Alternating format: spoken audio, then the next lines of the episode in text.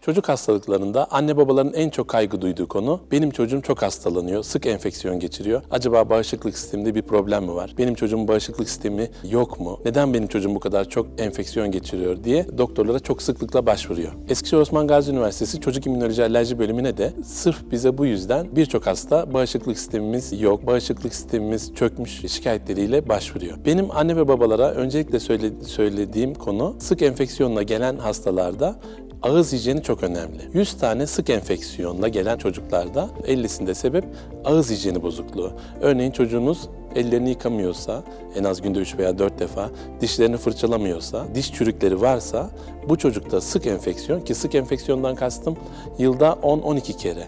Yazları nispeten iyi olduğunu düşünürsek neredeyse 15-20 günde bir hasta. Evet yılda 15-20 günde bir hasta çocuk olabilir mi? Olabilir ve sırf sebep ağız hijyeninin bozuk olması olabilir.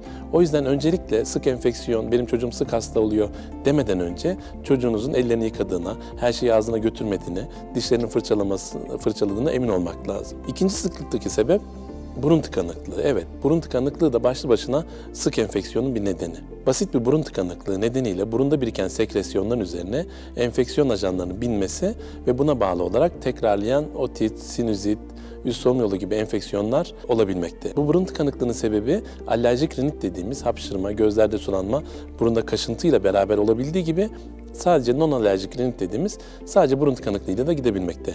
Biz o çocuğun burnunu açtığımız takdirde ki etkili burun tedavileri yöntemiyle e, sık enfeksiyonunu da çözmekteyiz. Bir diğer sık enfeksiyon sebebi reflü. Evet, reflü de sık enfeksiyonu yapan bir sebep. Midemizden ağzımıza gelen yemek parçaları tekrarlayan sinüzit, tekrarlayan otit ve tekrarlayan tonsillit yapabilmekte. Reflü ile ilgili çok uzun konuşulabilir ama size kabaca ve kısaca çok pratik bir bilgi vermek istiyorum yatmadan 2 veya 3 saat önce çocuklarımıza kesinlikle herhangi bir şey vermememiz lazım. Özellikle süt gibi yağlı gıdalar içirmememiz lazım. Yine yatak başını hafif yükseltmemiz lazım. Reflüden şüphelendiğimiz şikayetler varsa tabii ki çocuk gastroenteroloji doktorlarına veya çocuk doktorlarına başvurabilirsiniz ama başvurmadan önce bu uygulamaları yapmanızda büyük fayda var. Gene bir diğer sebep kulak burun boğazla ilgili geniz eti gibi veya geniz eti büyümesi, adenoid hipertrofi dediğimiz hastalıklar olabiliyor. Onda da çocuklar daha çok ağız açık uyuma, horlama, geceleyin apne dediğimiz nefessiz kalma gibi şikayetlerle geliyor. Evet bu çocuklarda da sık enfeksiyonla karşılaşıyoruz. Çok nadir olarak da bağışıklık sistemiyle ilgili sıkıntılar olabiliyor. Annelerin ve babaların en çok acaba bağışıklık sisteminde bir problem mi var dediği konu aslında en son incelediğimiz konu. Bağışıklık sistemi ile ilgili tabii ki sıkıntılar olabilir. Tekrarlayan sinüzit, tekrarlayan otit, tekrarlayan tonsillitlerin altında bağışıklık sistemi eksikliği tabii ki olabilir. Bu hastalarda biz bağışıklık sistemine bakmaktayız. Eğer bağışıklık sisteminde bir eksiklik varsa dışarıdan serum yoluyla bağışıklık sistemi hücrelerini vermekteyiz. Diğer konularda da işte ağız hijyeni, burun tıkanıklığı, reflü ve diğer kronik hastalıklar konusunda da ailelere eğitim vermekteyiz. Eğer sizin çocuğunuzda da böyle durumlar var ve şüphelendiğiniz az önce bahsettiğim konular varsa Eskişehir Osman Gazi Üniversitesi Çocuk Alerji İmmünoloji Polikliniğimize e, memnuniyetle başvurabilirsiniz. Sık enfeksiyon nedeniyle alerji polikliniğimize başvurduğunuzda ikinci bir konu da sık enfeksiyon acaba sadece üsiye, sinüzit, tonsillit mi yoksa buna eşlik eden bronşit gibi e, kötü öksürmeler, büyük adam gibi öksürmeler veya hırıltılı solunum gibi şikayetleriniz var mı?